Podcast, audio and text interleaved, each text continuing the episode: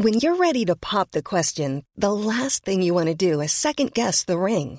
At Bluenile.com, you can design a one of a kind ring with the ease and convenience of shopping online. Choose your diamond and setting. When you find the one, you'll get it delivered right to your door. Go to Bluenile.com and use promo code LISTEN to get $50 off your purchase of $500 or more. That's code LISTEN at Bluenile.com for $50 off your purchase. Bluenile.com code LISTEN. Everyone knows therapy is great for solving problems, but getting therapy has its own problems too, like finding the right therapist, fitting into their schedule, and of course, the cost. Well, BetterHelp can solve those problems. It's totally online and built around your schedule. It's surprisingly affordable too. Connect with a credentialed therapist by phone, video, or online chat, all from the comfort of your home. Visit betterhelp.com to learn more and save 10% on your first month. That's BetterHelp, H E L P. Burrow's furniture is built for the way you live. From ensuring easy assembly and disassembly to honoring highly requested new colors for their award-winning seating, they always have their customers in mind. Their modular seating is made out of durable materials to last and grow with you. And with Burrow, you always get fast, free shipping. Get up to 60% off during Burrow's Memorial Day sale at burrow.com slash ACAST. That's burrow.com slash ACAST. burrow.com slash ACAST. Hej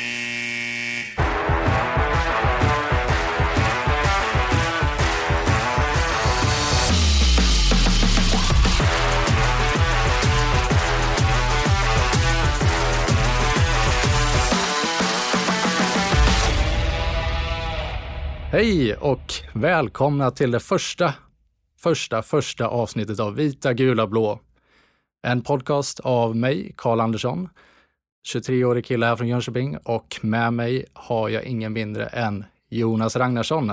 Hej Jonas! Tack ska du ha Karl. Tack ska du ha. Det här ska bli riktigt, riktigt roligt att bara snacka HV i en timme eller en dryg timme kanske. Vi får se lite var vi landar.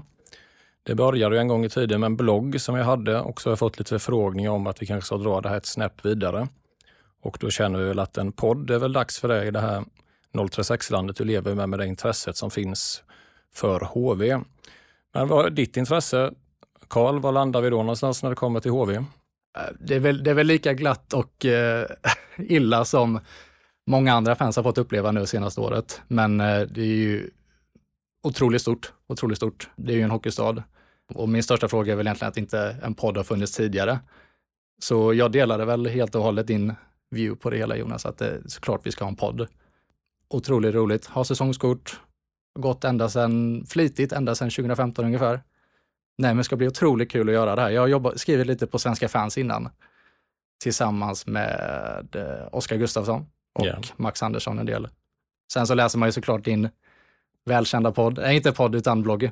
Ja, Ehm. det var ju snällt. Jag är lite äldre än vad du är här nu, så att mitt intresse för det här laget, då får vi nog dra tillbaka till någon gång 87-88 faktiskt. Mm, mm. När man fick glida in i Rosenlundshallen för första gången och någonstans redan där och då var det väl någon form av passion och kärlek som föddes, vare sig jag ville eller inte. Mm. Det var eh, närheten till isen, det var klacken, det var den där gula stola, stolen, plaststolen man satt på. Äckliga omklädningsrummen. Ja, citydynorna som ramlade in på isen efter slutsignalen och Tyrone Färms spikröst. Det var någonting som hände där bara. Mm. Sen ska jag ärligt säga att jag har nog försökt göra slut både en och två och tio gånger med det här laget, men eh, man kommer tillbaka och det är väl så att du kan inte göra slut med ditt favoritlag. Vi får nog acceptera det bara. Så är det. Jag har inte haft möjlighet till att göra slut med det här laget lika många gånger som dig kanske, men några vändor har jag haft. Så är det. Ja, det handlar väl lite om också vilket allmänt hälsotillstånd man vill befinna sig i kan jag känna. Men det, ja, man får leva med det här och eh, omfamna det istället. Så tycker jag en podd är en perfekt eh, tillfälle att utnyttja det.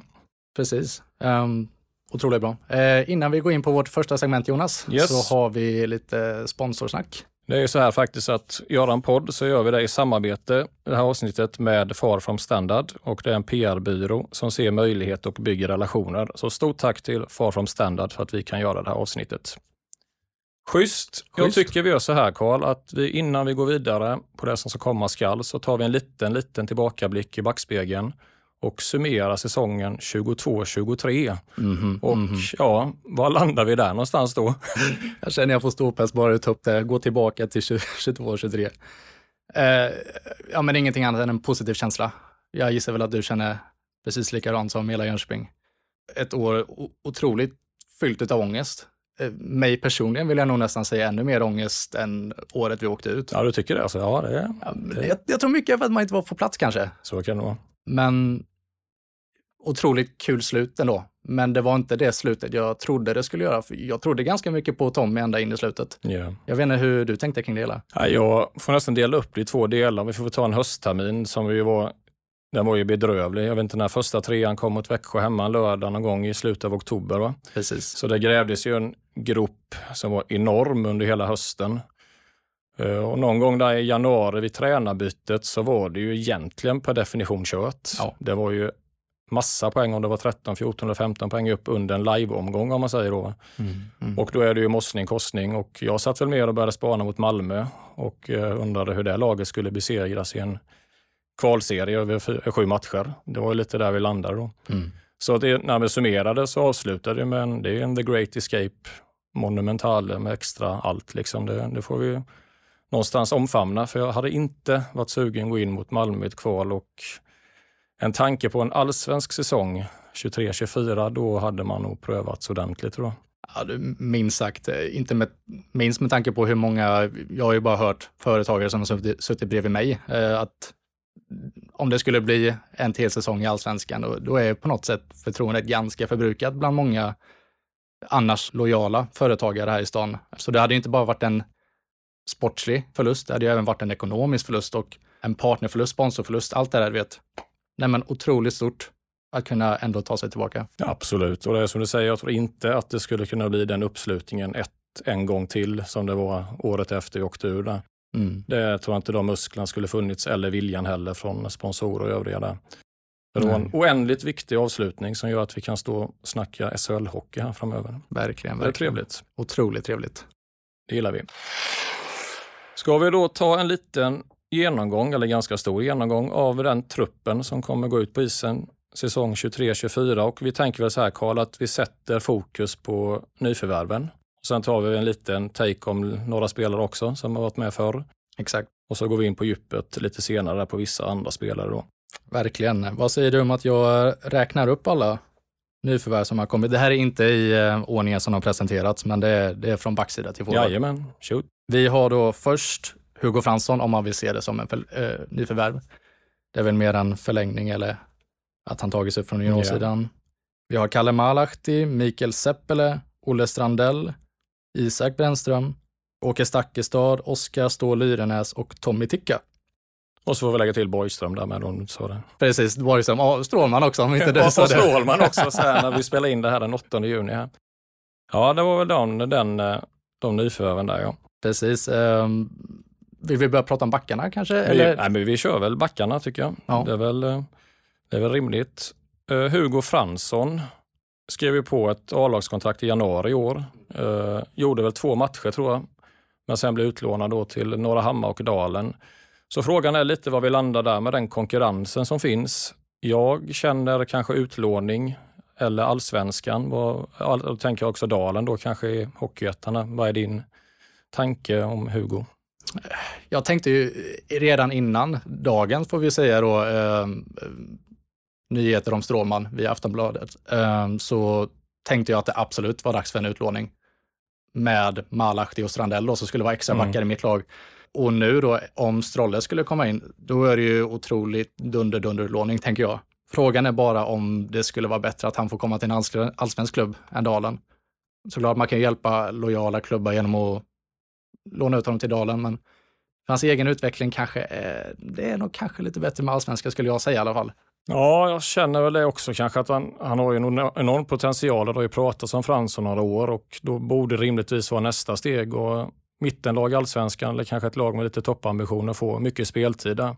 Precis. Eh, så får vi se lite var det landar där. Men det är klart, det är en, det är en bra satsning på en kille i rätt ålder som det pratats om. Så det, framtidsutsikterna är väldigt goda där, men det får väl lite påläggskall där under tiden. Då. Verkligen. om, om du säger mittenlag, det roliga med allsvenskan är att det är så otroligt många bra lag nu. Ja, ja absolut. Um, det blir ju huggsexa där i toppen med lag som satsar där. Så det är intressant att se var det landar någonstans. Verkligen, verkligen. Ja, men fokusering kanske mer nu på vårat lag då, säger de som ska spela i vårat lag. Vad har du för backsida? Jag har så här, nu får vi ta det innan eller efter nyheten om vi tror då att Strålman är klar. Men jag gjorde ett lag innan det Mm. och så får vi bolla in Strolle där på något sätt. Så en, eh, om vi tar backparen så tycker jag väl då att LaLeggia ska in med första. Och då ska ju då naturligtvis Seppele, nyförvärvet, in där. Då får vi den här, om nu Seppele är den grindvakt han ska vara, stor, stark, fysisk, hålla rent framför kasse. Och då skulle han ju i stort sett kunna ge fria händer till LaLeggia som egentligen under förra året när han kom in var ju mer forward än back. Det var ju otroligt, eh, otrolig attraktion att titta på egentligen. Jag tror det landade på 16 mål till slut. Ja, för alla utom David Petasek då. Ja, precis. Eh, Så att då slår ju han i målrekordet. Eh, Sen vet jag inte om vi kan kräva de målsiffrorna av en back, men jag tror att den kombinationen med de två skulle ju kunna flyga högt. Då kan ju han få, som sagt, ändå bara släppa offensiva spelet. Så den, den tycker jag känns given, det backparet till att börja med. Mm. Sen andra, det är väl jämnt om man vill ha Sjöholm och André. Eh, Då är det väl lite frågetecken för André då, hur mycket Philadelphia drar i honom. Men vi räknar väl med att han stannar och då har vi ju Sjöholm då som ju var väl den som hade den mest explosionsartade utvecklingen jag har sett på otroligt länge, en spelare i en HV-tröja. Det var väl en utlåning till Södertälje och han kom ju tillbaka som en rund miljon dollar efter det. jösses ja. jösses. Och hade ju en, eh, ja jag vågar väl påstå att han var ju bland de absolut bästa backarna efter tränarbytet och framåt. 100 procent. Du tänker inom laget bara?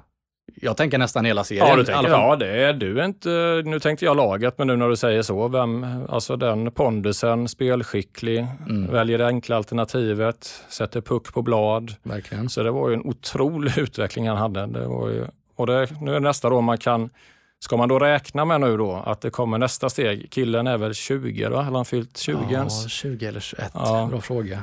Men han är ung och då är frågan då, blir det en liten stagnation eller kommer det här fortsätta utvecklas? Vad, vad, vad, vad tror du där? Att, vad har vi för framtid för honom den här säsongen? Oh, alltså min, grejen är att min backsida står lite och eh, alltså, flyger eller faller med Sjöholm. Att- Mm. Att han presterar på Ja. åtminstone samma nivå som förra säsongen. Ja. Jag har ju tryckt in honom i min första kedja, men det, det kan ju komma in på sen. Men det står lite och faller med att han kan prestera så bra, för vi vet ju inte riktigt vart vi har Seppele och så här. Men jag vill ju det, tror, det bästa är Viktor. Så jag har satt in honom i första och jag tror att han är inte den som direkt flyger iväg i tankarna efter en bra Nej. säsong. Och jag menar, det gick ingen obemärkt, till och med Sanne Lindström var inne på och hade med honom veckans lag och så här.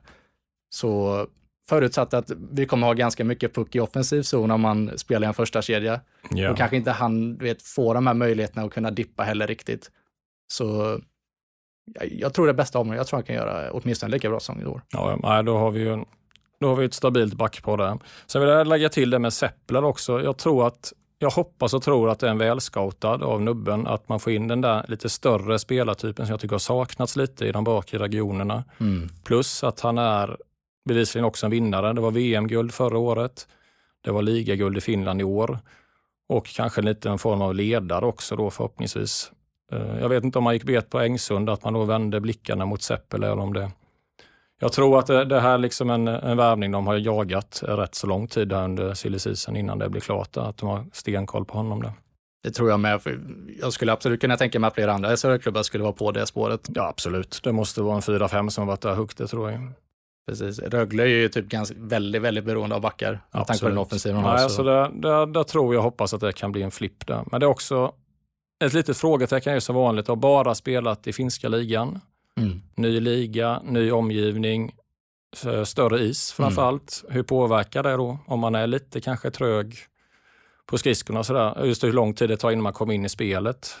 Så att tålamod är väl nyckelordet där, kan jag känna. I Det skulle jag absolut säga också. Det det känns som att jag skrev det under VM när han var med i Finlands VM-trupp då. Jag, jag, jag har en känsla av att han är en spelare som behöver en väldigt bra omgivning runt omkring sig för att inte, det är bara ren magkänsla, att han Mm. inte är den här eh, gjutna spelaren som eh, bär laget när alla andra går på knäna. Ja. Jag menar med de namnen vi har i den här backsidan så finns det ju en möjlighet att han har väldigt, väldigt bra spelare kring sig om det klaffar rätt. Absolut, det Att- tror jag säkert. Ja, han kan bära sin egen roll då som han är tänkt att göra. Ja. Ett tredje backpar, det var väl det som körde ihop när de eh, kom tillsammans förra året då. Eh, Kaski och Mahalahti, tänker jag. Kaski var lite småimponerad av. Bra på skridskorna, bra skott. Träffade vi inte mål så ofta som man önskar man kanske kommer den här säsongen, men tycker jag kom in som en liten frisk fläkt i laget när det väl behövdes som mest. Då. Mm. Uh, Malach, det kom väl in sent någon gång i februari. va? Det var kanske lite osäkert där med Hjalmarssons hjärnskakning, så tänker jag. Ja, det var ju dagen, sista dagen, ja. om inte sista ja, dagen. jag tror det var precis sista. Han spelade väl tio matcher. Blev avtackad på sociala medier som man ska bli. Sa, sa, sa upp sin, eller aktiverade sin klausul ja. för att spela utlandet och vips så var han ju klar för HV igen då för några veckor sedan. Tankar? Uh, ja, men först var jag väldigt skeptisk. Det är väldigt svårt att kunna sitta och analysera riktigt så bra under, just med tanke på var vi var i säsongen, utan då var det mycket glädje eller tårar. Väldigt svårt att kunna göra liksom djupa analyser på spelare, vilka man vill ha kvar och så här. Såklart hade man, man hade ju sina spelare som man visste man bara ville ha bort. Så är det ju. Men Malahti, när jag kollar på honom i efterhand, han ser ju riktigt, riktigt bra ut. Ja, han var fin. Ja, ja. jättefin. ja. Uh, men han gjorde allt det han skulle tyckte jag. Uh, och det var så bestämt och han spelade med en sån smartness som jag, jag, om jag ska vara ärlig, jag tror inte han kunde få ut riktigt det i Finland för att uh, taket är ju lite lägre. Så komma in med en bättre omgivning som jag hoppas Seppele kan göra, det gjorde ganska mycket för honom tror jag. Ja, och då känner väl där, då har man ett backpar som känner varandra. Det behövs ingen inkörningsperiod utan från första ispasset så känner, vet vi vad vi får från dem. Mm. Och det kan nog vara rätt nyttigt att ha ett backpar som känner varandra. Så att eh, det, det känns väl rätt gjutet så här på förhand. Sen blir det ju aldrig så sen ändå som vi nej, ska nej, prata nej, om, men vi får ju låtsas vara experter då. Så är det ju, det här ja. är ju vårt fantasilag nu. Ja, precis. Och sen har vi väl då Strandell och Fransson kvar som vi, ja, Fransson har vi pratat om innan där. Mm. Vad har vi på Strandell? Du har lite mer koll på allsvenskan kanske? Ja, men lite grann. Det, det, det, är väl en spelare som eh, till idag på allsvensk nivå inte håller toppklass åt några hållen offensivt eller defensivt, men inte min, minst sagt väldigt duktig i båda delarna. Så är det. Och Mora var ett lag som smög under radarn ganska mycket. Ingen hade tippat dem mycket. Nej. Så jag tror inte det är jättemånga som hade jättebra scouting på honom. Just med tanke på att han inte var i någon av de här större sociala klubbarna som kanske följs yeah. med utav media. Så det är väl eh, upp till oss att bli överraskade av honom hoppas jag. Men vad, vad baxar vi in honom? Alltså är det sjunde back eller är det åttonde back? Eller kan han göra någon Borgmansk resa liksom och bli en sån här backsensation? Eller vad, vad, vad, tror vi där? Men jag tror det. Han, han är inte riktigt lika stor som Borgman. För jag tänker ju mycket Borgman är fysiken och det här, han hade det här drivet som back. Men alltså, om jag kollar på mitt lag nu och nu räknar jag ju in Strålman i min kommande laguppställning, då är han eh, åttonde back. Ja. Så det är jättesvårt och det känns som att någonstans var det någon back här som inte riktigt var tänkt att vara med i det här laget. Till ja, jag får inte ihop, nu hade jag ju bara tvåa i matte när jag gick ut gymnasiet, men jag får inte ihop ekvationen riktigt. Om det, om det är nio backar under kontrakt nu, va, då kan vi räkna bort Westerlund i och för sig, för han kommer väl inte spela hockey i HV i höst antar jag. Nej, det är ju också en grej vi får anta. Om det blir sen allsvenskan eller utlandet, men det är otroligt svårt att han ingår i några former av planer. Och så har vi det här då att Strålman igen då ryktas vara i stort sett klar. Nubben sa ju idag då när vi spelade in det här den 8 juni att det var 60-40, så skrattade han lite medan två andra källor säger att det är i stort sett klart. Och ju mer man tänker och vrider och vänder på det så är det ju Nubbens stora favoritspelare. Han flyttar hem nu, bor i Skövde, hade en trasslig säsong i NHL och AHL. Förmodligen sugen på det, lättränad. Mm. Eh, ja, varför skulle han då inte i stort sett vara klar? Men då ska han in i den här ekvationen också då. Precis, precis. Och det kan vara intressant. Men jag förstår också tanken. Där får du in en äldre spelare, en ledare som varit med, varit med och vunnit. Och jag tänker mig lite som en mentor och liksom för de yngre förmågorna då. Med Fransson och de i spetsen. Där. Sen är det många som kanske är lite tveksamma vilken nivå han håller, men eh, det är otroligt svårt. Det är inte, det är inte lite som Hjalmarsson som man gnäller lite på kanske då, men det kanske var för att han inte spelat på ett par år.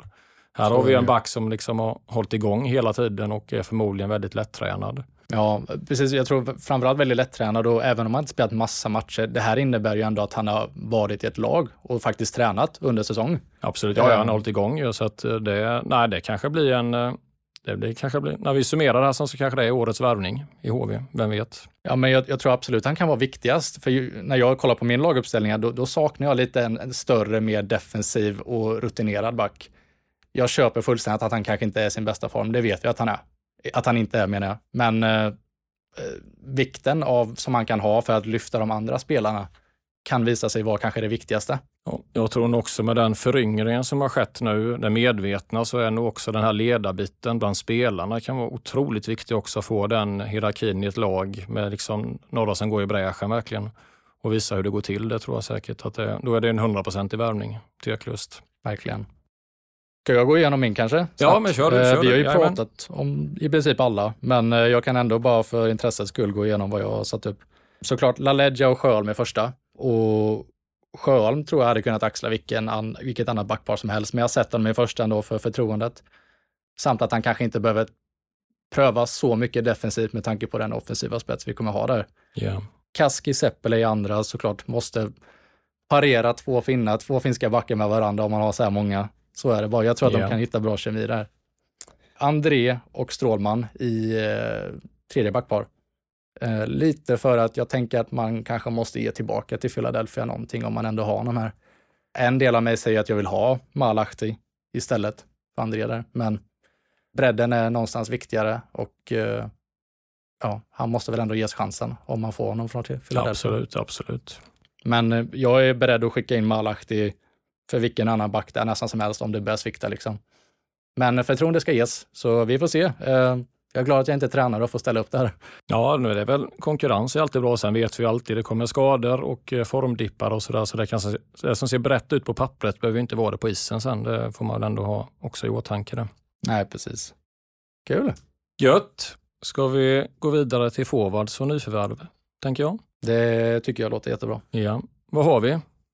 Vi, ja, du, bra fråga. Du får börja Ska gärna. jag börja? Ja, kör du. Då tycker jag att vi börjar så här. Att vi sätter ett första snack om Isak Brännström. Mm. Jag säger att det här borde vara topp 10 värvningar i SHL. Eh, Rätt ålder, hemvändare, leverera till Luleå i två, tre, fyra år. Och så vet man ju då, nu säger jag vet inom citationstecken, att han kommer paras ihop med André Pettersson. Och eh, här känner jag att det kan, den duon kan ju flyga riktigt, riktigt högt. Tror jag med. Verkligen. Alltså, min större fråga är egentligen bara vad, vad man ska lämna åt resten av laguppställningen. Men eh, det är du som har svaret på det. Så Ja, jag har alla svar. Vet du. Nej, men jag, jag, jag känner det, för jag läste en intervju där när Sam Hallam under någon landslagsturnering där så att det är sällan man ser sån kemi mellan två spelare direkt. Och jag tycker man såg det i de här landskamperna också, att det finns ju någonting där att de eh, snackar och pratar och liksom ser hockey på samma sätt. Och, att, eh, och det, behövs, det behövs någon form av dynamisk duo i HV också som gör de här enkla målen, som går i bräschen, liksom att producera kväll efter kväll och ha en tung, tung första lina. För det har man ju också saknat egentligen ganska många år, förutom då kanske nu i våras då när Shore gick emellan där och Mm. fick upp Mile och Pettersson på hög nivå. Men har du något mer om Isak som du känner eller är jag lite för optimistisk när jag säger att han ska vara en topp 10-värvning i SHL? Nej, absolut inte. Och jag, jag vill snarare om någonting eh, trycka på att han är ännu bättre nästan. Såklart, med, han hade ju kanske inte den absolut bästa avslutningen på säsongen. Sånt är faktum bara. Men jag stod här i vinter och var beredd att säga att jag hade tagit Isak Brännström före vilken annan spelare i helst som SHL. Det är så? Ja, men faktiskt, om man säger så här med tanke på ålder och vad, hur länge man skulle kunna få honom att stanna här möjligtvis. Eh, vad han ger offensivt, defensivt, alltså den prägen han sätter på ett hårt forecheckande lag. Speciellt bland unga då, för tanke på att han är ganska ung fortfarande. Ja. Otroligt viktig med otroligt höga ambitioner. Och PP såklart, Ja, PP. 100 procent. Ja, han, ska bara stå där framme, så är det bara. Ja, nej, jag som sagt, jag har, jag har en hög kravbild. Vi ska inte prata poäng och så, men jag vill upp över 40 poäng på Isak Brännström den här säsongen. Om han nu är frisk och hel och spelar 52 matcher. Med den omgivningen, med den istiden och den rollen i powerplay han kommer få.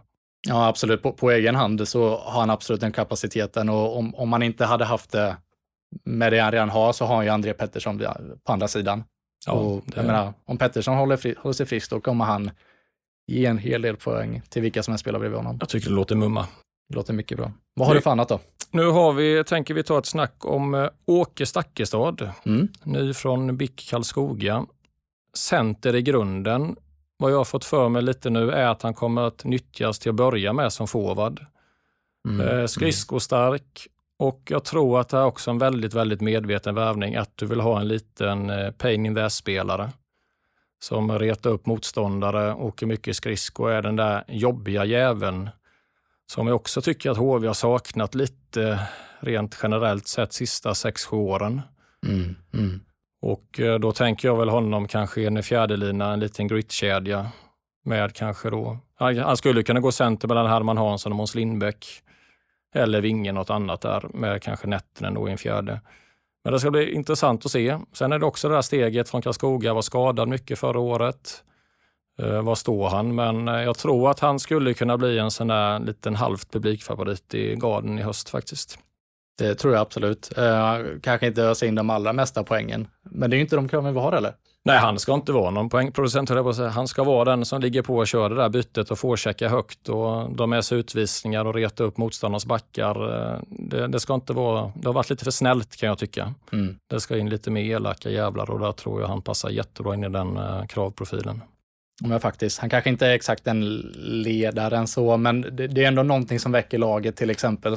Jag tänker Karlskoga AIK-serien, han gick och slickade tungan mot AIK-klacken jag får ju en liten äh, jämtinsk eh, känsla över honom just att han har Mm. det där att det räcker med hans uppsyn så kan han nog reta gallfeber på någon liten äldre seniorspelare i Färjestad eller Frölunda. Något sånt där. Det hade varit eh, skönt att se. Ja, men det, det är värt att offra en, en position i fjärde sidan för det. det är absolut. 100 procent, 100 procent. Eh, nästa, Oskar Ståhl Lyrenäs. Mhm. Gick från 0 till 100 på en eller två dagar. Och eh, är också i min bok en klockren värvning. Det är lite som Brännström. Rätt ålder, 25 år. Kan ligan. Gjorde 15 mål förra året i ett ganska fumlande, famlande Rögle får man väl säga. Rightare dessutom. Så det här är ju en spelare som ska upp högt i hierarkin. Inte kanske i en första då, men gjuten som vinge i en andra kedja. Precis. Jag tror egentligen, om det inte hade varit för Isak Brännström och André Pettersson, det hade det ju varit egentligen i många andra lag tror jag första kedje kapabel. Det tror jag också. Det Ja. tror jag också. Och eh, ja, det, det känns som en, det, var, det får ta någon bonusvärvning där som kan bli riktigt bra och god för en 30 poäng kanske. Om det faller väl ut. Om inte ännu bättre nästan. Vad landade han på förra säsongen? Jag tror han landade på 33 va? Ja, han hade 15 mål tror jag i alla fall. Sen, eh, men det var väl där någonstans. Det var det absolut. Och då var det ändå i ett Ja, kämpande Rögle som du sa. 15 plus 18. 15 plus Så 18. 33 poäng då. Det är ju starkt också så, som vi sa då att Rögle som hade ju enorma bekymmer förra året. Så att, Exakt. nej, det där är en, eh, en fin bonusvärvning. Verkligen. Och då var det ändå, som du sa, i ett lag som kämpar, det visar ju ändå på någon, ändå någonting med honom, att han inte är en spelare kanske som Foppa kan vara när det går dåligt för laget. Så nu gjorde han i och för sig väldigt bra när det gick dåligt för HV annars, men det är en spelare som lätt blir osynlig. Det verkar det ju inte vara med Oskar Ståhl Nej, det tror jag absolut inte. Det, nej, det ska bli otroligt intressant att se var vi landar där någonstans i höst. Ja. Vi rullar vidare till eh, nästa nyförvärv. Vi går väl in på det blåvita spåret igen. Det är ju någon form av innovation här den här säsongen. Eh, Tommy Ticka, ny från Ilves. Precis. Jag ska vara helt ärlig och säga att jag har inte följt Ilves jätteväl i eh, SM-liga förra säsongen. Va? Har, Nej, har du inte... det, har säkert du gjort så du, kan, du får väl ta Ticka då. Ja, men jag, jag har faktiskt tittat en del Ilves-matcher. Eh, Såklart, såklart du har. Ja, ja, i alla fall i slutspelet. Ja, ja. Men, eh, nej men otroligt intressant spelare. Ordet som går runt i alla fall HV-communityn, vad, vad nu det är värt, är ju att det här kanske inte är en spelare som är värd kanske andra centerpositionen. Det är väl det den stora frågetecknet är. Men sett till hur vi resonerar just nu så antar ju vi att inte han är kapabel till att axla en andra centerroll. Och jag själv är inkluderad där, att jag har mina ja, jag har min skepticism kring honom. Men vad är det du har sett när du har tittat? Alltså uppsida, nedsida? Ja, Men otroligt hårt checkande center, vilket kanske inte är det vanligaste. Man tänker att det är ytterforward som brukar göra det, men, men han är där i mitten och är först, först att tacklas ner om, om pucken dunkas ner. Men otroligt bra på att vinna tillbaka. Det är ju lovande sett till vad han har gjort i finska ligan, men det korrelerar ju liksom inte allt, alltid Och vad jag hade känt för att jag skulle känna mig ännu mer säker är att han hade kunnat vara lite mer konsekvent, för ibland känns det som att han faller ur lite. Och det tyckte jag man okay. såg lite i landskamperna mot Sverige i, i Umeå inför VM. Ja. Också har jag fått för mig ändå en välscoutad spelare som nubben följt. Det var väl han var nere och tittade på honom i Beijer Hockey Games där. Men jag tänker så här, är han 27 år, treårskontrakt. Mm. Det känns ändå som man lastar in en del både förtroendekapital och eh, pengar. Ja. Så på någonstans börjar han säsongen som uttalad andra center och sen får han kanske ta det därifrån? Ja. Frågetecken. Ja, jag har ju satt nätterna tror jag på andra centerpositionen, men jag är, har skrivit stor, med stora bokstäver i mina anteckningar att byt på Ticka och Nätteren om Ticka skulle få riktigt bra känning i det. Snarare att man sätter pressen på honom direkt att du ska axla det här bakom Henrik ja. Borgström. Så är det bara. För det är ju ändå en väldigt bred, det kanske inte är den absolut spetsigaste centerpositionen, men den är väldigt bred, vilket gör friheten att man kan ha många spelare på olika positioner i hierarkin. Ja, ja, absolut. Ja, det blir intressant, men också ska väl vara en liten eh, potentiell publikfavorit, för jag har förstått, jag jämförde honom med en liten ännu argare Per Ledin. Mm -hmm, mm -hmm. Och det är klart att då kan det ju det kan vara både bra och dåligt säger jag, men eh, det behövs väl också där lite power och lite grit kanske också på centerrollen. Där. Ja, men det, det tycker jag kan behövas. Uh, speciellt kanske med tanke på hur det var förra säsongen. Shore är ju inte den som åker och håller på. Nej, det gjorde han ju inte. Men han var, han var bra ändå. Han var, ja, fin, han var fin. Ja, han var bra, men inte den eh, Nej. centern kanske skulle kunna fylla en tickarroll nu. Att kunna vara, som du säger, lite argare och lite så här. Det är ju ändå karaktär, stora karaktärer som har kommit in som kanske gör mer än att lägga smörpassar. Mm. Det finns andra spelare som kan göra det och vad jag tycker är ytterforwardsen kan göra det här. Så varför inte skaffa lite karaktärer som tickar då i mitten? Men när du, när du har följt honom nu då och sett honom, du, om du ska göra en ranking nu så doft av tredje center mer än andra då? Frågetecken. Eh, jag vill säga att det beror på vilket typ av lag man vill ha egentligen. Uh, för jag har jämfört väldigt mycket nu med Växjö uh, och egentligen deras enda duktiga, alltså spetsiga offensiva center som de hade detta år var ju Robert, Robert Rosén, 35-36 år gammal. Um. When you're ready to pop the question, the last thing you want to do is second guess the ring. At BlueNile.com you can design a one-of-a-kind ring with the ease and convenience of shopping online. Choose your diamond and setting. When you find the one, you'll get it delivered right to your door. Go to Bluenile.com and use promo code LISTEN to get $50 off your purchase of $500 or more. That's code LISTEN at Bluenile.com for $50 off your purchase. Bluenile.com code LISTEN. Everyone knows therapy is great for solving problems, but getting therapy has its own problems too, like finding the right therapist, fitting into their schedule, and of course, the cost. Well, BetterHelp can solve those problems. It's totally online and built around your schedule. It's surprisingly affordable too. Connect with a credentialed therapist by phone, video, or online chat, all from the comfort of your home. Visit betterhelp.com to learn more and save 10% on your first month. That's BetterHelp, H E L P. Man hade ju såklart en Joel Kjellman, men han fick inte alls ut det som man hade hoppats på. Konstigt nog, en av få värvningar som inte lyckas i Växjö. Har de, har de sådana värvningar i Växjö som inte lyckas? Men de, de vinner ju guld ändå. Så det... Nej, jag, jag håller dem inte riktigt i Oskarshamnsklassen, men det, det är en bit kvar till det. Ja, det, då är man på hög nivå. Då är man riktigt hög nivå. Um, nej, men det... Ah, jag vet inte, det är otroligt svårt. Vi får se också där också, bara spelat i finska ligan. Mm. Ny omgivning, ny miljö. Och igen det där, det där också det där tålamodet nu då som vi kommer att prata om lite senare kanske, att ge spelarna chansen, låt dem växa in i det här. Dra inte några nödbromsar och skjuta ut rökraketer bara för att de har minus fem och noll plus ett första sju, åtta omgångarna. Nej, precis. Utan eh, tid och tålamod, framförallt då som centerroll, som helt ny spelare. Ja, men jag tror det är helt klart i samband med tränartråken, det kommer vi in på sen, men att det är verkligen man försöker skapa en ny form av idé hur man bygger ett lag. Mer likt Växjö tänker jag. För som sagt, det var typ Martin Lundberg, Emil, eh, Joel Kjellman, Robert Rosén, Hugo Gustafsson. Det var de som var centrarna. Det är ju liksom inte alls vad man tänker är spetsiga offensiva centrar, utan det är ju mer inte. Lite ledare, karaktärer. Bara man får upp laget så funkar det. Det har de ju visat. Absolut. Så det är väl det som jag tänker att man kanske satsar lite på här. Eh, speciellt med tanke på att det är långsiktigt också, Tickas kontrakt. Yes. Vi går vidare till eh, den som ska vara förste, förste center. Mm. Henrik Borgström och vi säger att han är klar. Det tycker jag.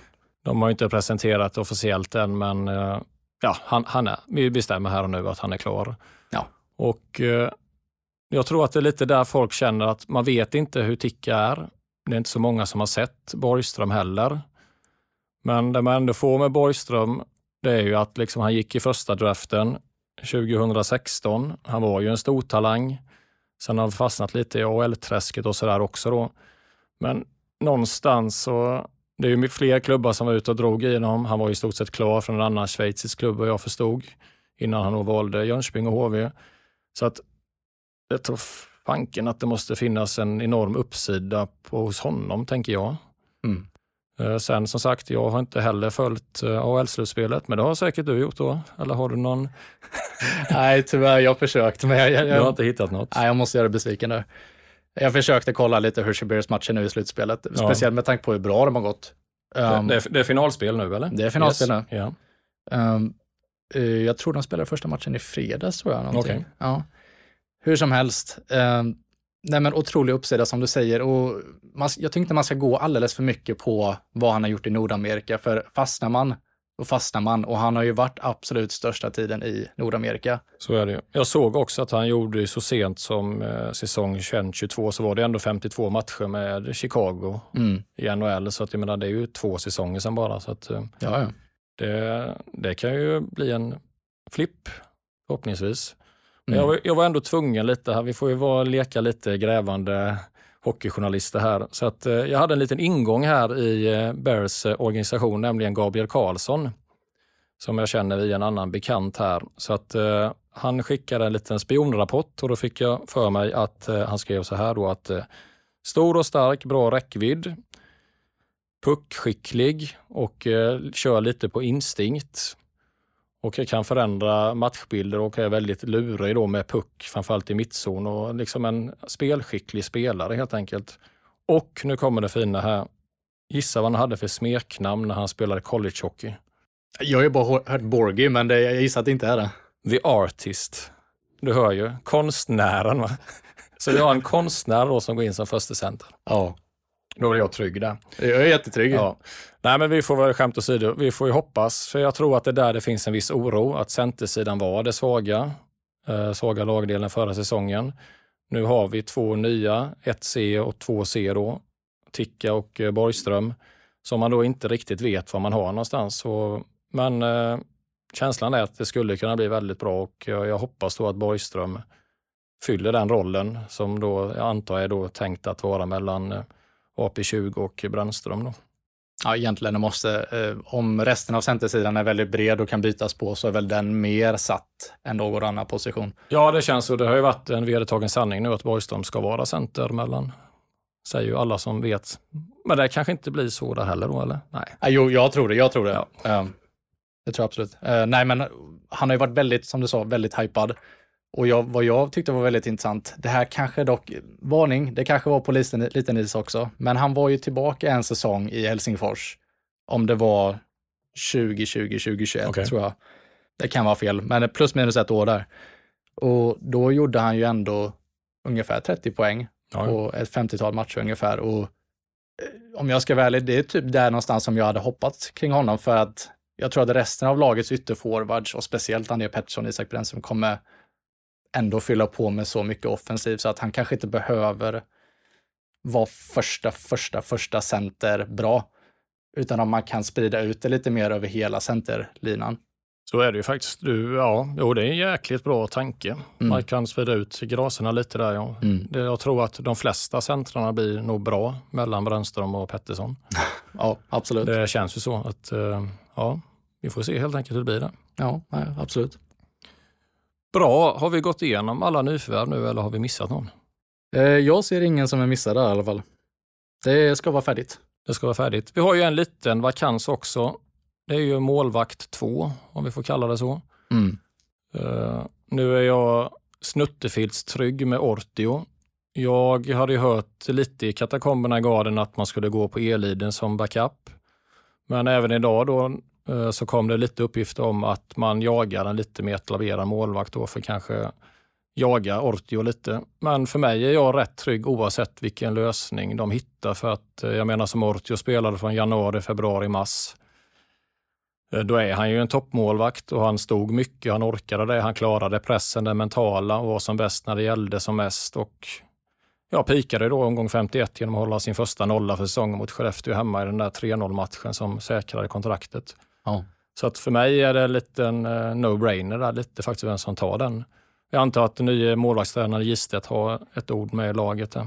Jag tror absolut. Eller vad tror du om målvakts... Inte är, att de, de kommer väl inte gå någon mer etablerad, alltså en 50-50 lösning. Det har jag otroligt svårt att tänka mig. Nej, det, ett scenario hade kunnat se att man, som så många andra lag har gjort tidigare säsonger, att man stjäl någon spelare från allsvenskan innan säsongen börjar. Jag tänker som Färjestad gjorde med eh, han som skulle till Modo, Centern. Ja, just det. Nu är jag, jag för gammal och glömmer namn och sådär. Men Jag hade honom nyss också. Men... det kommer Ja, snart. Det kommer snart. Hur som helst, att man snor skulle kunna ta någon målvakt, alltså typ allsvensk nivå. Eh, för det hade kanske varit säkrare än att man 100% att Ortio ska stå 40 plus matcher. Jag tänker bara scenariot där han skadar sig omgång 15. Ja, då blir det jobbigt. Då blir det är det. jättejobbigt.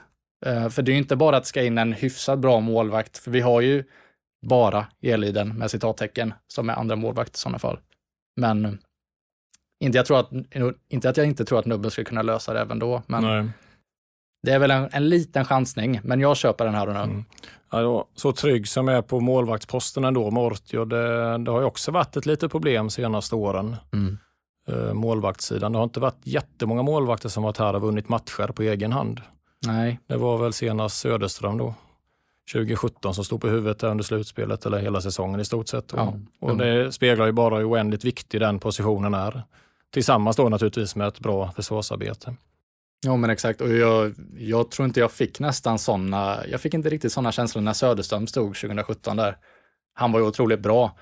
Men sådana räddningar Ortio kunde göra föregående säsong, det var verkligen det Stefan var, Livi. Ja, ja, nej, det var ju toppklass. Jag vet inte, han eh, sista två månaderna måste han väl ändå varit topp tre målvakt i SHL, antar jag. Ja, 100 procent. Med, Jag, tan- med tanke också på de lägen han får mot sig också. Det är lite lätt ibland att snöa in på bara statistik och titta räddningsprocent, men står du i Växjö, jag säger inte att du och jag skulle kunna ha haft en räddningsprocent på 92, men alltså förstår lite vad jag är ute efter. ja, jag förstår. Jag menar, spelar du ett lag, du, du släpper ju väldigt märkliga lägen. Det blir konstiga alltså, returer och det blir mycket så här, så klassiska skitmål eller, som man undrar vad som händer. Och då är det mer att det klickar i samarbetet mellan backar och, och målvakt i stort sett.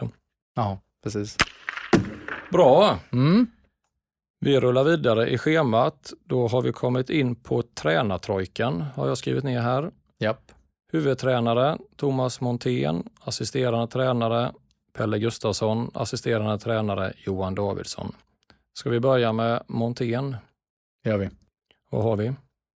Ja, eh, borde ju vara ändå ganska mycket, för det är ändå en person som är ganska mycket media, eh, speciellt med tanke på hans JVM-sejour. Tyvärr inte allt för mycket positivt i media, vilket man kan gå på.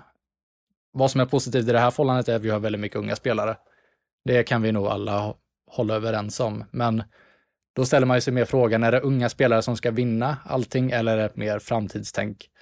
Och såklart så tänker jag att man tänker mer på framtiden, just med tanke på kontrakten man också skrivit med spelarna. Eh, och jag köper det. Eh, en bonus blir att kunna ta sig till slutspel i år, eh, förhoppningsvis med Montén då. Men jag tror det är den största anledningen till att han är här, vilket jag ändå ser som positivt, för vi måste ändå börja om någonstans. Jo, men så är det ju faktiskt. Det, oavsett hur man vänder och vrider på det. Så att jag har ju svarta listan här. Vi kan väl ta den nu då. Tommy Samuelsson, Kicken. Niklas Ram, Kicken. Johan Lindbom, Kicken. Andreas Johansson, Kicken. Ulf Dahlén, Kicken. Janne Karlsson, Kicken. Det är då efter guldet 2010 då. Så det är sex av åtta tränare som inte har fått fullfölja sitt kontrakt. Mm. Och eh, jag tycker det säger allt om allt i stort sett, att det saknas någon form av röd tråd i verksamheten. Eh, Förr fanns det ett begrepp som hette HV-hockey och då visste alla vad det var och då tror jag att man värvade spelare ut efter den spelmodellen. någonstans efter 2010 så jag vet inte om man började fuska det arbetet eller om det var något annat som gjorde att det gick för bra. Pengarna kom in. Du värvade istället färdiga spelare för en hög månadspeng. Och du behöver inte göra det grundläggande arbetet egentligen. Och, eh, det, och då blir det ju att det är det tränarna som får stå där till slut. Och så blir det nya förändringar och så nya panikåtgärder och sen bara rullar den här showen på. Då. Så att eh, nu känner jag väl att nu får, man, nu får vi ta ett blankt papper igen.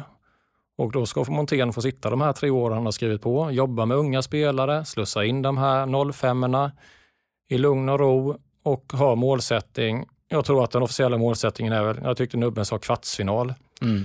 Ja, jag säger topp 10 då. Ja, jag håller med. Eh, topp 10. Ja, jag håller 100% med. Eh, största vikten på att utveckla och hålla sig kvar.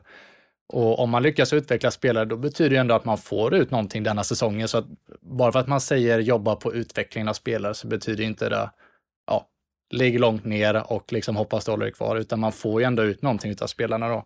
Någonstans, kan... någonstans, måste det också finnas ett tålamod då. Om ja. vi säger det utåt sett att vi jobbar långsiktigt. Eh, men säger man det efter man torskar sex raka matcher i Jönköping, fullsatt arena, det är ju också en sjuk kravbild. Så är det. Uh, oavsett vilket lag egentligen för att HV ska vinna hockeymatcher. Mm. Och man ska gärna vara topplag men det är ju sanningen att bara titta resultaten sista tio åren förutom då guldet 2016-17 så är ju HV ett lag på nedre halvan och dessutom varit nere och vänt i allsvenskan. Och då måste man på något sätt anpassa sig till den verkligheten och liksom sätta en lite långsiktig mål och då, då tycker jag det rimligt att säga topp 10 eller om de säger kvartsfinal då. Uh, då är det jättebra. Ja, jag är jättenöjd också. Men då, är också, men då ska, också, då ska det inte vara några nödaktioner under säsongen. Då ska de här unga spelarna, Mölgård ska explodera och Sjöholm ska bli ännu bättre. Att de i den här miljön växer och blir bättre hockeyspelare. För så många sista åren som egentligen kommit till HV och inte blivit bättre. Det, det, kan vara, det är faktiskt rätt bekymmersamt att titta på en sån lista över etablerade spelare. Jag säger inte att de kommer hit och blir klappkassa, men det är inte många som har kommit hit och sen höjt sig en och två nivåer.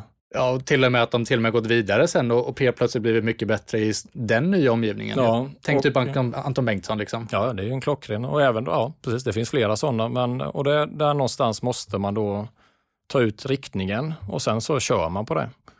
Och sen jag vet inte om Montén är rätt, men, eh, men jag hör det att liksom han ska vara bra med unga spelare. Men sen är också då frågan med de assisterande. Jag tror att det är sjukt viktigt att de kommer också ihop, sätter sin hierarki mellan sig, har ett bra samarbete som sen då liksom på något sätt eh, spiller över till, eller till spelargruppen. Ja, jag kom över en ganska sjukt bra tanke egentligen med en kompis till mig häromdagen. Eh, vi pratade liksom om, om vad som förväntas av laget, spelidé och sånt här inför var, varje säsong verkligen. Och då är det ju som du säger, HV-hockeyn. Vi vet ju alla vad den betyder. Hög press, skapat stim i offensiv zon. Vi vet alla tillsammans med publiken. Det kan låta ganska basic, men det är ju också även i kontring att det går ju bara på några sekunder. Ja. Men eh, det går inte riktigt att bara säga att vi ska spela HV-hockey, för att vi tänker ju HV-hockey som den var kanske från första början. Vi jämför kanske just nu med 2017 då, som vi, vi var ju alltid så otroligt bra i början av matcherna. Um, och någonstans så tror jag att det var något liknande som vi försökte göra denna säsongen, som André Pettersson pratade om väldigt mycket när han var kritisk. Att vi kan liksom inte bara tjuvrusa. För jag tänker hela tiden då att det är det här som man försökt tuta i spelarna då. Det är en hedersvärd tanke, men på något sätt måste man få en utveckling utav HV-hockeyn. Alltså, jag säger inte att den ska sluta existera, men det måste finnas någon, inte att man ska hålla sig tillbaka, men att det måste vara mer genomtänkt. En, en modernare version helt enkelt. Exakt, ja men det dagens SHL-spelare är så otroligt mycket bättre defensivt. Så att varje gång vi gick på tjurhus med Herman Hansson och Lindbäck, det, det är hedersvärt. Överspelare. Ja, alltså det, det är hedersvärt hur hårt de jobbade, men de spelade sig igenom nästan varje gång. Ja, jag tror väl det att André Pettersson sa i en intervju där att uh, han var helt slut, helt färdig efter en period, två perioder, för de åkte och jagade, jagade, jagade, åkte på enkla mål, upp och jaga, jaga, jaga. Precis. För det var den spelplanen som satte sig i allsvenskan. Därmed inte sagt att den funkade jättebra i allsvenskan heller. Jag tycker mer det var individuella skicklighet som gjorde att eh, återtåget fullbordades än att det var en spelidé som funkade. Ja, jag håller med. Men då tror jag också att Samuelsson och Stillman kände att vi har kört det i allsvenskan, vi körde fullt ut i SHL och det var ju så att de ändrade ju inte en de ändrade ju ingenting egentligen från eh, den ursprungliga gameplanen oavsett hur många förluster det kom. Nej. Så att, eh, ja. Men vi har ju då som assisterande Pelle Gustafsson. Ja. Jag sa det till dig när vi pratade för en dag sedan. Det är så konstigt att han inte har stått i HVs bås innan. Han skulle varit den där som avslutade karriären, sen skulle han varit assisterande så här i 15-16 år och en genuin hockeymänniska. Jo, jag håller med, men han är som en god marinad. Det måste ta sin tid, du vet. Han måste så. go- gotta sig där nere. Han ska växa, växa upp i Norra Hammaröjdalen. Där. Nej, men han är väl en, en otroligt genuin hockeymänniska har jag förstått och gjort ett enormt arbete med, med Dalen. Varit både sportchef och tränare och allt i allo där. Det är klart att han är värd den chansen han fick när han då äntligen, eller till slut, fick komma in i båset under förra säsongen. Ja. Så där, där är jag inte orolig alls. Jag tror att det kan vara en eh, förnuftig hockeymänniska att ha som lite ledare för back, backarna. Ja, kanske lite mer strängare och så här och ganska inställd på vad han vill ha utav sina backar i det här fallet då. Men vi kommer ju till hans motpart sen som är lite mer åt andra hållet, väldigt mjuk men ändå ledare och bestämmer, medan Pelle är liksom lite hård. Eh, Jag tror att det är liksom helt, det är helt klockrent. Yeah. Och väldigt bra situation för honom att komma in nu när utfallet blev som det blev.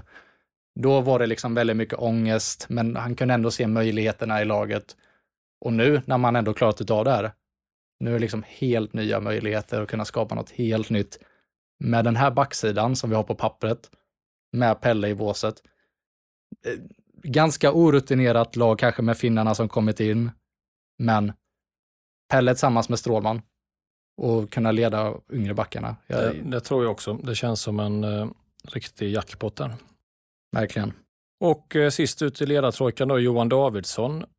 Jag fick ju lite eh, höll på att trilla av stolen här när jag fick reda på det. Jag fick ju lite insight-tips. Jag lekte ju lite, lite Madhawk där ett tag. Ja, du gör det bra ja, alltså. tack så du ha. Jag ska inte hålla på med det längre, men eh, när man fick tips om det så tänkte jag att nu har ni nog tagit något starkt att dricka här, för det tror jag inte alls att han har det brinnet, att han inte har det drivet att eh, tänka och äta och skita hockey 24-7 igen som eh, assisterande tränare på elitnivå.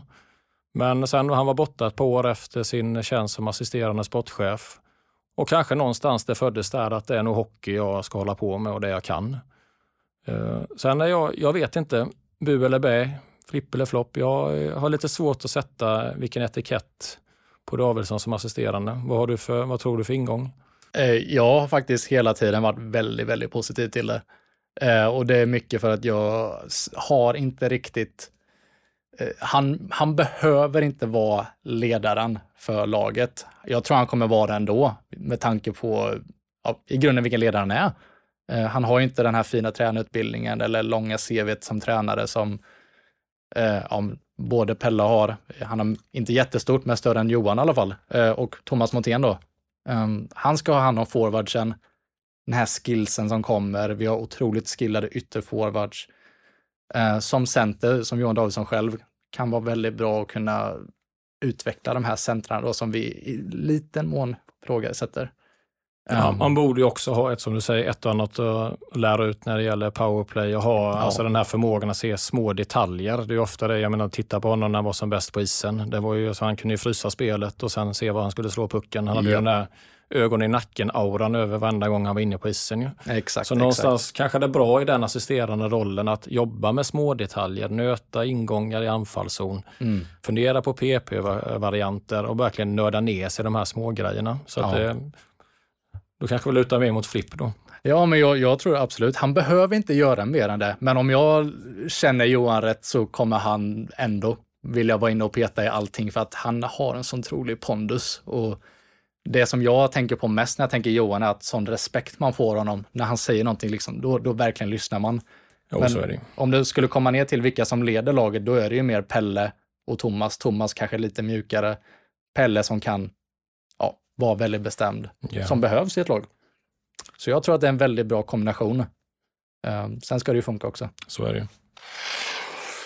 Vi jobbar oss vidare här och eh, vi tänker så här att vi nu ska prata om vad vi skulle kunna tro skulle kunna vara utropstecken för kommande säsong. Och då säger jag ytterforwards och lämnar över ordet till eh, Karl Andersson. Ja, men egentligen, det, det är väl antingen backarna eller ytterforwardspositionen som vi får se som kanske allra starkast. I, I och för sig kan man ju göra ett case för att Ortio och målvaktssidan är där uppe också, men om vi får välja en nu så skulle jag välja ytterforwardspositionerna. Um, lite med tanke på att vi ifrågasätter centersidan så kanske man inte behöver den absolut bästa ytter eh, centersidan eh, med tanke på att vi har så bra ytterforwards. Um, vi har ju André Pettersson, Isak Brännström, Mattias Hedenby, Oskar Ståhl Lyrenäs, Foppa, Radan Lensch, Måns Lindbäck och Åke Stakkestad. Alla ända ner till tredje kedjan så är det ju väldigt bra spets, vill jag faktiskt säga. Och jag hade faktiskt kunnat tänka mig att göra ännu bredare genom att dela min ganska opopulära åsikt just nu. Men hear me out. Byta plats på Isak Brännström och Radan Lensch för att få en bättre passningsläggare och mer intensiv spelare bredvid Foppa. Otroligt intressant inlägg ändå. Ja, men jag, jag, tror att det kan ligga någonting i att Foppa behöver en viss typ spelare på andra sidan. Vad, vad är det för spelare han behöver tycker du? Han behöver ju inte en till version av sig själv, kan vi ju börja med. Nej, det... um, jag, vi har, det har ju testat otroligt många konstellationer och en spelare som Isak Brännström kändes det inte som att det fanns. Inte med den defensiva skicklighet, intensitet och offensiv, offensiv spelkänsla. Att kunna testa honom bredvid Foppa tror jag kan vara ett otroligt bra drag. Att även få en djupare spets genom yeah. laget uh, och kan hjälpa även centrarna längre ner i laget. Jag vet inte vad du tänker om det. Ja, nej, det, jag hör vad du säger och det låter ju jätteintressant. Det, och vi landar ju lite där också och det är ofta man sitter och diskuterar i smågrupper. Hur mm. får man igång Foppa? Vad är han som bäst? Vilken omgivning? Mm. Hur högt upp ska han vara i hierarkin? Ska man spela igång honom? Han var en poäng per match, spelade första 22-23 omgångarna, avslutade säsongen med 0 plus 1 på sista 12-13. Eh, sen har han en enorm uppsida i sitt målskytte. En enorm uppsida. Det är närmast en unik förmåga att träffa mål och göra mål. Och på något sätt måste man ju liksom få in honom i den miljön där han producerar, för då är han ju ett, då är det ett hot varenda gång. Ja, och jag tänker på målen som han gjorde, speciellt i alla fall på hösten. Då var det ju inte lika många ja, pass från back i PP, skott upp i krysset, utan det var Nej, ju lite mer dynamiska blandat. mål. Absolut. Så han har ju någonting i sig. Det är bara att hitta rätt parter. Han måste göra det själv såklart också, men ge honom bra förutsättningar med, rest, med rätt kedjekamrater också. Bra, nästa utropstecken. Uh, lite sämre förra säsongen, blir bättre i år. Mm. Vad tänker du?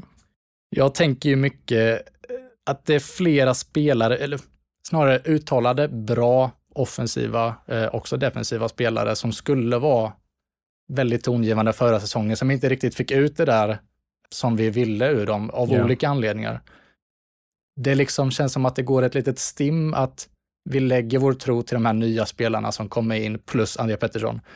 Jag tänker Borgström och Isak Brännström, Oskar Ståhl Lyrenäs, Tommy Ticka till viss del. Men vi glömmer ändå bort vilken kapacitet de här andra spelarna som vi har kvar sedan förra året ändå besitter historiskt sett. Utan att vissa av dem har blivit alldeles för gamla. En del av dem är lite gamla, men yeah. jag tror det fortfarande finns någonting att hitta där. Jag tänker på en Mattias Hedenby som bara, mm, det känns omöjligt för honom att göra en sämre säsong än förra året. Ja. Jonas Nettinen som med två lunginflammationer och var det, var det brutet finger också? Ja, jag tror han fick väl mankull så fort han öppnade ytterdörren någon vecka där, så det var ju lite jobbigt för honom. Nej då, skämt åsido. Det, det är klart att det finns mycket hockey i honom. Det, så är det ju tveklöst. Precis. Uh, jag ville också lägga till Radan Lentjen där. Jag tror han har mycket mer att ge också. Um, han kunde skina otroligt mycket. Vi pratade om det här innan, att han kunde vara väldigt synlig i vissa matcher. Jag tror han vände ju, om det var 0-2 mot Luleå, han gjorde ju två mål mot Luleå borta. Det var ju när vi förlorade sista sekunden där. Lite en gubben i lådan-aura över honom. Det, så det.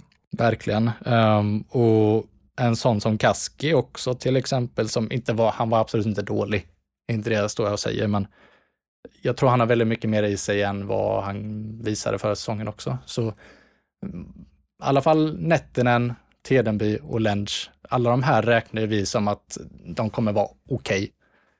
Men bara om en eller två av de här hade haft en ganska mycket bättre säsong i år, då har vi en riktigt, riktigt bra forwardsuppställning alltså. Så är det ju, absolut. Ska vi rulla från utropstecken till frågetecken då? Då har jag satt ett frågetecken, du har nämnt honom redan då, Mattias Tedenby.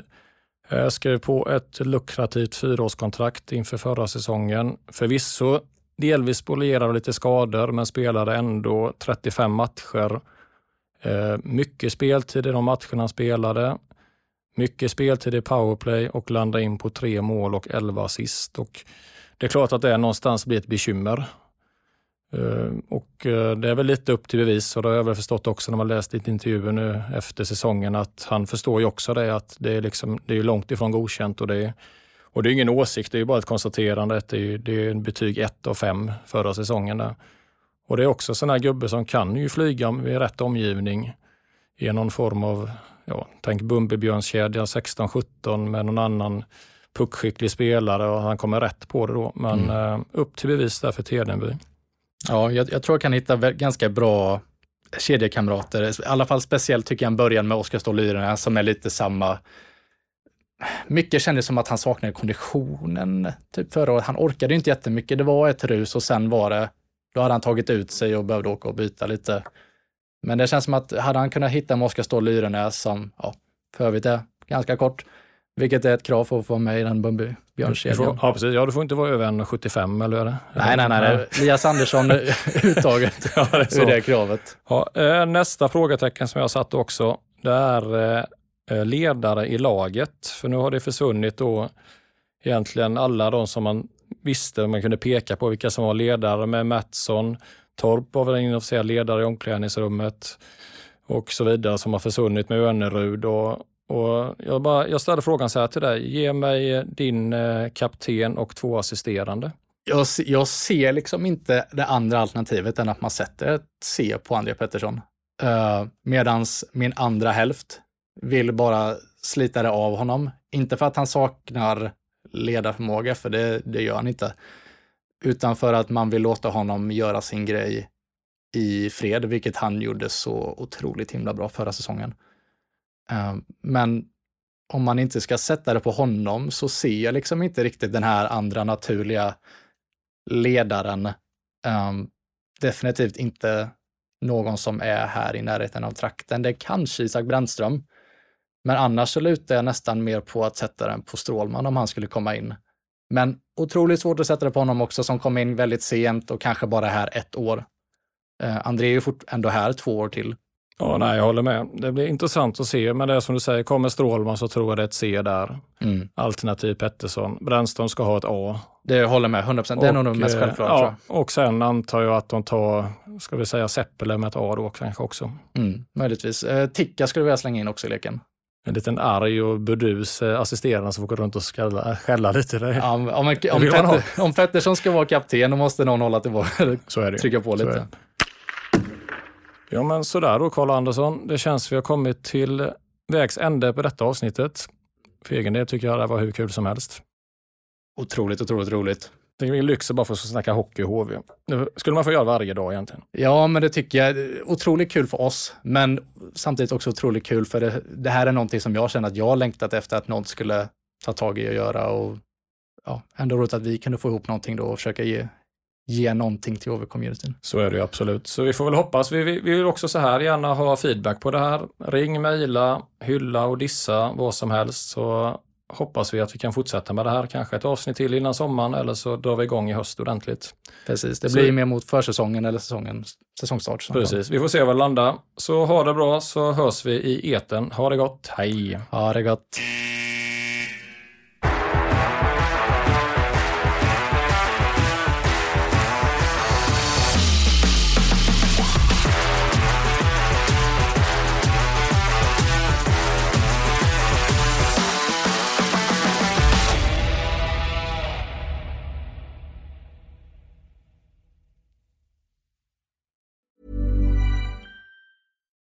Deserves the best, and there's no better place to shop for Mother's Day than Whole Foods Market. They're your destination for unbeatable savings, from premium gifts to show-stopping flowers and irresistible desserts. Start by saving 33% with Prime on all body care and candles. Then get a 15-stem bunch of tulips for just $9.99 each with Prime. Round out Mom's menu with festive rosé, irresistible berry chantilly cake, and more special treats. Come celebrate Mother's Day at Whole Foods Market. Even when we're on a budget, we still deserve nice things. Quince is a place to scoop up stunning high-end goods for 50 to 80% less than similar brands. They have buttery soft cashmere sweaters starting at $50, luxurious Italian leather bags, and so much more. Plus, Quince only works with factories that use safe, ethical, and responsible manufacturing. Get the high-end goods you'll love without the high price tag with Quince. Go to quince.com/style for free shipping and 365 day returns.